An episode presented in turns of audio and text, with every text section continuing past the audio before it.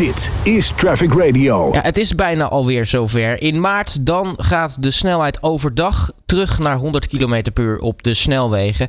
Toch een ding waar veel mensen hun, eh, hun vragen bij hebben. Want hoe gaat dat nou eigenlijk in zijn werking en wat komt er nou eigenlijk bij kijken? Iemand die daar van alles vanaf weet, dat is uh, Diederik Fleur en hij is van uh, Rijkswaterstaat. Diederik, hele goedemiddag. Goeiedag. Um, ja, allereerst, um, vanaf wanneer gaat nou eigenlijk precies die snelheid naar beneden? Want het is in maart, maar wanneer in maart is het eigenlijk precies? Nou, er is besloten om uh, in het weekend, het lange weekend van 12 tot, uh, tot 16 maart, het begint op donderdagavond uh, om 9 uur s avonds tot maandagochtend de 16e om 5 uur. En daartussen in die dagen gaan we in heel Nederland alle uh, verkeersborden aanpassen, zodat iedereen weet dat we overdag nog maar 100 km per uur mogen rijden op de snelweg. Ja, want de verkeersborden moeten inderdaad veranderd worden. Want uh, het is natuurlijk leuk dat besloten wordt dat die snelheid dan overdag naar 100 km per uur gaat. Maar er komt natuurlijk veel meer bij kijken. Het is niet van de een op de andere dag geregeld natuurlijk. Uh, nee, nee, zeker niet. Uh, er is al een heel team, uh, is al, al, al eigenlijk op het moment dat het besloten is, is al bezig om dat te, te, regelen, te organiseren. Dus een enorme organisatie. er moet natuurlijk enorm veel gebeuren. even, er komen bijvoorbeeld 4000 verkeersborden moeten aangepast, veranderd worden. Um, om alles in die vier dagen aan te passen, zijn er per dag een, een 700, 800 mensen op de snelweg actief om alle borden zeg maar aan te passen, te veranderen. Dus daar komt inderdaad heel wat bij kijken. Ja, voor de duidelijkheid trouwens, uh, voor de mensen die zitten te luisteren. Uh, ja, iedereen schoot een beetje in paniek natuurlijk. Hè, toen er werd gezegd, nou, we mogen nog maar 100 km per uur op de snelwegen. Voor de mensen die toch het liever hebben op 130, die mogen s'avonds en s'nachts wel gewoon 130 rijden. Als de maximumsnelheid 130 is. Ja, het is zo dat eigenlijk uh, als je nu op een weg rijdt, of veel op een weg rijdt waar je 130 uh, mag rijden, dan is dat, dan blijft dat in de avond en de nacht. Dus dat wil zeggen overdag. Dat is tussen 6 uur s morgens en 7 uur s avonds. Moeten we allemaal op alle wegen. Is de maximumsnelheid 100. Er zijn ook wegen waar je langzamer moet rijden. Dus daar moet je wel op letten. Maar dan is de maximumsnelheid op de snelweg 100. Daarna in de avonduren tussen 7 uur s avonds en 6 uur s morgens is het afhankelijk van hoe hard je daar nu mag rijden. En dat kan zijn 100, 120, 130. Dus als jij nu ergens 120 mag rijden, dan blijft dat straks ook zo in die avond- en nachtelijke uren. Nou, dus uh, eigenlijk valt het best wel mee met uh, de paniek die er ineens was. Um, ja, het is natuurlijk, sommige mensen zeggen, ja, ik wil harder rijden. Nou zie je het ook vaak al overdag en zeker in de spits, dan haal je die snelheden al sowieso niet. Hè, want dan is het gewoon druk op de weg. En dan haal je die snelheid van 120 of 130 ook helemaal niet. Maar inderdaad, een deel van de dag mag je niet harder rijden dan 100 en een deel van de dag uh, wel. En we zorgen ervoor dat um, er na de aanpassing van dat weekend uh, borden staan langs de weg. En dat is eigenlijk ook wat maatgevend is. Dat is leidend. De borden aan de kant van de weg geven aan hoe hard je mag rijden op welke momenten van de dag. En dan een interessante vraag, want als je uh, nou ja, natuurlijk overal 100 gaat rijden, uh, ik kan me voorstellen dat, de wegen, dat wegennetwerk iets minder belast wordt. Wat, wat voor invloed heeft zo'n verandering dan op de huidige infrastructuur? Betekent dat bijvoorbeeld ook aan de andere kant dat misschien het onderhoud weer wat, wat, wat minder vaak hoeft?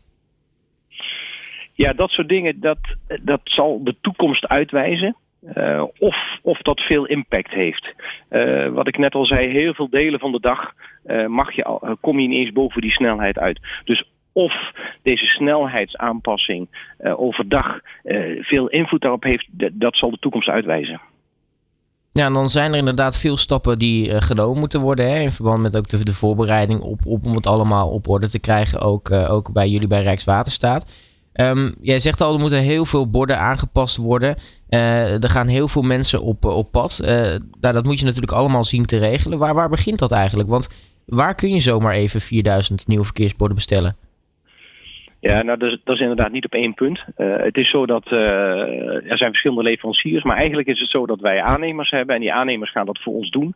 En die bestellen die borden ook. Dus er is eerst natuurlijk heeft uiteraard een inventarisatie plaatsgevonden. Welke borden moeten we worden aangepast? Nou, dan krijg je een heel overzicht van. Uh, je maakt een heel overzicht van waar mag nu hoe hard worden gereden dat verzamel je allemaal. En dan ga je natuurlijk daarna natuurlijk met die aannemers om de tafel om te kijken van oké, we willen alles in één weekend een lang weekend voor elkaar hebben. Um, heel belangrijk daarbij is dat we dat alleen doen in wat wij noemen werkbare uren. En dat is eigenlijk in de avond en de nacht. Want we willen dat de hinder voor het verkeer minimaal is tijdens die aanpassing. Dus we gaan ook niet uh, althans is het zeker niet de bedoeling, overdag op een donderdag of een vrijdag of zo uh, daaraan werken. Want we weten gewoon dat levert gewoon veel te veel hinder op voor het verkeer. Je kunt je voorstellen, als een aannemer borden moet vervangen, dan moet hij toch uh, parkeren op de vluchtstrook. Nou, dan wil je niet dat daar verkeer langs raast. Dus dan moet je vaak ook één rijstrook uit het verkeer halen. Nou, ga je dat overdag doen, levert dat veel hinder op. Dus die hele aanpassing gebeurt met name in de avond en de nacht. Ja, en dan uh, kan ik me voorstellen dat dat uh, borden vervangen, dat dat allemaal verschillende borden kunnen zijn. Um, eerst wat mij te binnen schiet is, uh, je hebt langs heel veel snelwegen van die prachtige borden die van, van tekst kunnen veranderen. Dus de ene keer staat hij op de maximumsnelheid en de andere keer op, op 100 km per uur tijdens de spits bijvoorbeeld. Zijn dat dan voornamelijk de borden waarom het gaat? Of gaat het echt gewoon om de, de bekende borden met, met de rode rand eromheen met de snelheid erop? Ja. Ja, de, de aanpassing in het weekend waar ik het over heb, dus zeg van die 12 tot en met de 16, dan heb ik het over de verkeersborden aan de, de kant van de snelweg. Dus zeg maar de bekende snelheidsborden met de rode rand. Die worden in dat weekend aangepast. Dan heb je inderdaad, en dat is een hele goede opmerking, bij spits- en plusstroken, daar heb je van die borden die dynamisch zijn. Die kunnen verschillende snelheden aangeven en of een rijstrook wel of niet open is. Met een moeilijk woord heet, dan noemen wij dat kantelwalsborden. Die hebben eigenlijk drie vlakken waarop je kan aangeven wat de snelheid is en waarop gereden mag worden. Nou, daar, die borden, die aanpassing daarvan, die kunnen we niet in dat ene weekend realiseren. En dat zal inhouden dat voor die spits- en plusstroken, dat we daar meer tijd voor nodig hebben om die aanpassing te realiseren. Uh, dat is natuurlijk maar een klein percentage van het totale wegennet. Maar het kan zijn dat we wel tot juli bezig zijn om al die borden aan te passen. Uh, daar zijn er uh, rond de 250 van. Een aanpassing duurt enkele uren, want al die panelen moeten eruit. En, nou ja, de, en, en wat daarbij komt is dat ook in onze verkeerscentrale moeten daar ook aanpassingen voor gebeuren. Dus het is niet alleen vervang panelen, maar ook de software in onze verkeerscentrale moet daarop worden aangepast. Dus dat is wat complexer. Daar hebben we meer tijd voor nodig. Uh, en dat zou maar zo kunnen duren dat tot juli, voordat de laatste borden helemaal zijn aangepast.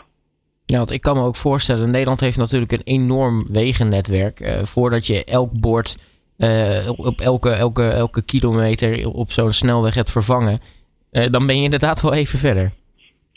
Ja, nou is het zo dat het aantal verkeersborden uh, met de snelheid, dat valt wel mee. Wat er in ieder geval gebeurt is daar waar, om verwarring te voorkomen, wat je nu hebt is dat uh, soms, uh, zeg maar om de 100 meter staat bij een snelweg een hectometerpaaltje.